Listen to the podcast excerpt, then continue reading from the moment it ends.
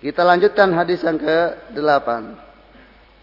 Al hadis asamin an Ibni Umar radhiyallahu anhuma anna Rasulullah sallallahu alaihi wasallam qaal umirtu an uqatilan nas hatta yashhadu alla ilaha illallah wa anna Muhammadan Rasulullah wa yuqimu shalah wa yu'tu zakah fa idza fa'alu dzalika asamu minni dima'ahum wa amwalahum illa bihaqil Islam wa hisabum 'ala taala. Rawal Bukhari Muslim. Dari sahabat Abdullah bin Umar radhiyallahu anhu ma Rasulullah sallallahu alaihi wasallam bersabda, Umir tuan uqatilan nas. Aku diperintahkan untuk memerangi manusia. Hatta yasadu alla ilaha illallah wa anna muhammadan rasulullah. Sampai mereka bersadah tidak ada sembahan yang hak selain Allah dan bahwasanya Muhammad adalah Rasulullah. Dan hingga menegakkan salat serta menunaikan zakat. Wa yuqimu shalah wa yu'tu zakat. Fa idza fa'alu dzalika, apabila mereka mau menunaikan hal itu, mengerjakan hal tersebut, maka asamu minni dima'ahum. Terjagalah dariku darah mereka wa amwalahum dan harta mereka illa bihaqil Islam. Kecuali dengan hak Islam wa hisabum Allahi taala. Adapun hisab mereka ada pada Allah Subhanahu wa taala. Hadis riwayat Bukhari Muslim. Memerangi di sini ini berbeda dengan membunuh. Demikian kata saya Muhammad bin Salah Saimin. Jadi yang namanya memerangi al-muqatil al-muqatilah itu berjihad melawan musuh hingga kalimat Allah itu yang tertinggi. Adapun qatl membunuh itulah membunuh orang tertentu. Maka tidak semua yang boleh untuk diperangi itu boleh dibunuh. Jadi pembunuhan itu lebih sempit cakupannya. Nah Allah memerintahkan untuk memerangi yang belum bersahadaten, yang non muslim, sampai mereka mau bersahadaten. Dan iltisam terhadap syarat Islam. Bersahadaten tersebut dalam umur itu an qatilan nas hatta yashhadu alla ilaha illallah wa anna muhammadan rasulullah. Adapun sehingga mereka beriltizam tersebut pada yuqimu shalah wa yu'tu zakah. Pada pertemuan yang lalu sudah saya sebutkan tentang iltizam. Yang hakikat iltizam itu sendiri sesungguhnya sudah termaktub di dalam pernyataan sahadaten karena tidaklah sah sahadaten kecuali dengan adanya iltizam pada yang bersahadat Mana iltizam adalah meyakini bahwa dirinya terkena kewajiban syariat. Oleh karena itu, bisa dikatakan orangnya multazim tetapi meninggalkan apa perintah dan atau melanggar larangan. Maka ini ada sesuatu istilah yang kurang tepat yang sering kita pakai. Jadi kita apa Sering bertanya, apakah dia multazim atau tidak? Oh tidak dia, tidak multazim. Mestinya yang lebih tepat itu kata istiqomah. Dia istiqomah atau tidak? Sebab multazim itu perkara kolbu. Dia perkara hati. Bukan perkara zahir. Itu meyakini pada dirinya dia wajib melaksanakan beban-beban syariat. Selama seseorang bersahadaten dan dirinya yakin dan meyakini terkena beban-beban syariat wajib bagi dia melaksanakan konsekuensi dari sahadatnya tersebut maka dia telah dikatakan multazim.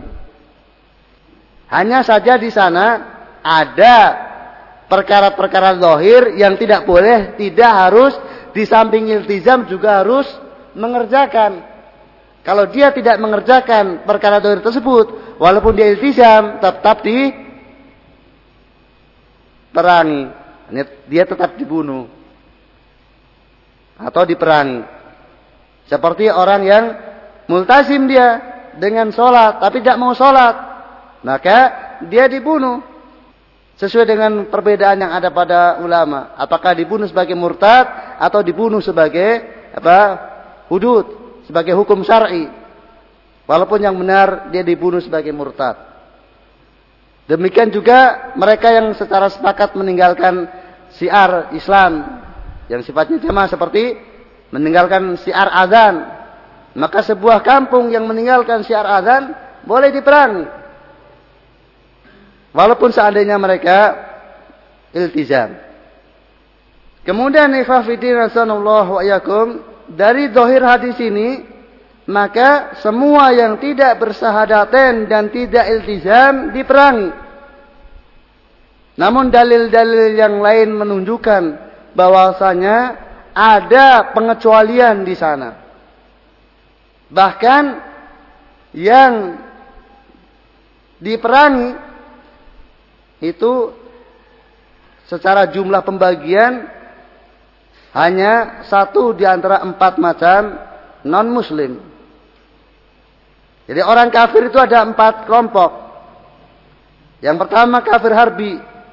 Yaitu orang kafir yang memerangi kaum muslimin dan mereka diperangi. Yaitu orang kafir yang mereka memerangi kaum muslimin. Tidak mau berdamai dan tidak mau tunduk dan tidak mau syahadat. Tidak mau masuk Islam. Jadi tidak tidak minta untuk damai tapi memerangi, melawan. Kemudian yang kedua kafir zimmi yaitu orang kafir yang tunduk pada penguasa Islam dan membayar disyah atau upeti maka mereka mendapatkan perlindungan dan tidak diperangi. Jadi tidak boleh dihalalkan darahnya dengan alasan dia orang kafir. Kemudian yang ketiga kafir muahad. Kafir yang mengadakan perjanjian, perjanjian damai dengan kaum muslimin. Maka selama perjanjian damai masih berjalan, mereka tidak diperangi. Itu orang kafir yang tinggal di negerinya masing-masing, tapi antara negerinya dengan kaum muslimin ada perjanjian damai. Maka haram bagi kaum muslimin untuk kemudian memerangi mereka. Sampai mereka membatalkan perjanjian atau kemudian kaum muslimin meminta perjanjiannya untuk kemudian dibatalkan karena melihat gelagat-gelagat mau apa berkhianat. Sampai dibatalkannya perjanjian maka baru boleh diperangi. Selama masih ada perjanjian damai, maka tidak boleh diperangi. Kemudian yang keempat kafir mustakman. Yaitu orang kafir yang masuk ke negara Islam dan mendapatkan jaminan. Karena adanya suatu keperluan dan memang mendapatkan jaminan keamanan dari pemerintah. Pemerintah mengizinkannya dan melindunginya, maka tidak boleh untuk kemudian dibunuh. Tidak halal darah dan hartanya. Tidak boleh dirampas hartanya dan dibunuh orangnya. Maka ikhwah fiddin wa iyyakum pembunuhan kepada orang-orang kafir atau perusakan aset-aset orang kafir itu laisa minad dinil Islam say'a. Kalau dia bukanlah dari kafir jenis yang pertama. Maka adanya aliran yang membolehkan untuk membunuh orang kafir di mana pun dia berada. Atau kemudian merampas harta mereka di mana pun mereka berada, itu adalah menyelisih apa yang ada pada dinul Islam. Bukan dari dinul Islam sama sekali. Kemudian di ujung hadis tersebut Allah katakan sebelum sampai di ujung sekali illa biakil Islam kecuali hak Islam. Jadi kalau hak Islam menuntut untuk mengambil harta dari orang yang telah bersadaten karena itulah tuntutan din maka tetap diambil hartanya. Demikian juga kalau kemudian tuntutan dinul Islam menuntut untuk menghalalkan darah seorang muslim maka halal darahnya seperti kisos dan lain sebagainya. Jadi kalau memang itu haknya dinul Islam, maka walaupun dia muslim, maka tetap boleh diambil hartanya seperti zakat dan boleh dialirkan darahnya seperti kisos dan lain sebagainya. Wa hisabu ma'allahi ta'ala, adapun perhitungannya ada pada Allah Ta'ala, ini menunjukkan bahwasanya hukum Islam itulah apa yang ada pada zahirnya. Adapun batinnya maka diserahkan kepada Allah Subhanahu wa taala. Oleh karena itu, orang-orang munafikun dihukumi muslim fid dunya dan diperlakukan muslim. Rasulullah sallallahu alaihi wasallam walaupun mengetahui siapa di antara yang bersadatain tersebut munafik, yang munafik tapi tetap dibiarkan. Karena masalah pembiarannya itu lebih banyak dibandingkan tidaknya. Walaupun kadang mereka menampilkan dan menunjukkan tentang bukti-bukti kemunafikannya. Dan demikianlah orang-orang munafik yang diketahui kemunafikannya, maka pembunuhan terhadap mereka itu diserahkan kebijakan imam. Kalau imam melihat bahwasanya masalahnya dibunuh, dibunuh. Kalau mendohirkan kemunafikannya, dia jelas-jelas diketahui bahwasanya dia munafik. Kalau kemudian tidak diketahui munafik, siapa yang tahu dia munafik? Jadi kalau orang munafik dan jelas diketahui bahwasanya dia munafik, maka untuk kemudian dibunuhnya adalah kebijakan imam. Nah, Rasulullah sallallahu alaihi wasallam membiarkan orang-orang munafik hidup dan tidak membunuhnya, walaupun Rasulullah tahu.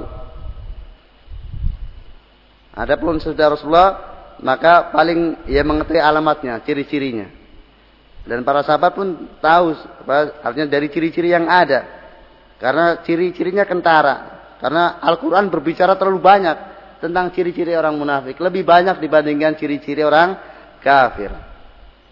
Jadi walaupun orangnya secara dohir menyatakan sahadaten, tapi dari ciri-ciri yang ada kelihatan bahwasanya dia orang-orang munafik. Di antaranya, ya para sahabat tidaklah melihat orang yang tertinggal dari jamaah kecuali sebagai orang-orang munafik. Artinya yang meninggalkan salat jamaah. Karena di antara ciri orang munafik adalah malas salat jamaah. Khususnya Isya dan subuh karena gelap. Karena mereka sholat jamaah kan demi mendapatkan predikat muslim. Sementara kalau subuh dan isya gelap, jadi nggak sholat pun kadang nggak kelihatan kan. Tidak seperti sekarang mungkin nah, karena lampu dan lain sebagainya eh, jalan terang. Jadi di masa itu orang-orang munafik mereka malas sekali kalau harus sholat apa, ke masjid khususnya apa subuh dan isya. Ya, karena hidup mereka dalam keislamannya lah riaan. Murni semata-mata demi menjaga harta dan darahnya. Kalau Allah tidak karena itu, mereka tidak akan melaksanakan syarat Islam. Oleh karena itu, karena hukum Islam pada seorang zahirnya, maka bisa jadi hakikatnya orang itu kafir walaupun zahirnya muslim. Maka kekafiran yang ada pada seorang yang bersahadaten itu bisa terjadi dalam dua bentuk yaitu kufur riddah itu apabila seorang muslim melakukan dengan lesannya atau perbuatannya hal-hal yang menyebabkan dia dihukumi kafir. Maka orang muslim yang lesannya atau perbuatannya melakukan hal-hal yang merupakan pembatal keislamannya tatkala telah memenuhi syarat dan tidak ada tidak ada mawani, maka di sana ada pembatal Islam yang pelakunya diberi kesempatan untuk bertobat dan di sana ada yang tidak. Ada yang langsung saja begitu memang diketahui bahwasanya dia melakukan perkara kekafiran dengan lesannya atau dengan perbuatannya dan terpenuhi syarat untuk dikafirkan maka dia dibunuh dan tidak diminta untuk bertobat tidak diberi kesempatan untuk bertobat. Seperti misalnya mencela Rasulullah sallallahu alaihi wasallam. Maka ini pelakunya dibunuh. Walaupun dia menyatakan bertobat. tetap dibunuh. Kalau diketahui bahwasanya tobatnya ikhlas, betul-betul dia bertobat kepada Allah Taala dan diketahui maka dia dibunuh sebagai orang Muslim, tapi tetap dibunuh, tidak boleh hidup lagi sudah. Dan di sana ada apa perkara pembatal keislaman yang diberi kesempatan untuk bertobat. Kalau dia bertobat maka diterima tobatnya dan kembali sebagai muslim. Seperti perbuatan syirik dan yang lainnya. Kemudian yang kedua adalah kafir nifak.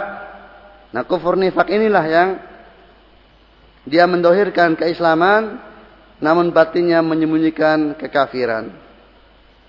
Tadi sudah saya sampaikan, kalau kemudian diketahui bahasnya dia kufur nifak, maka tergantung kebijakan imam.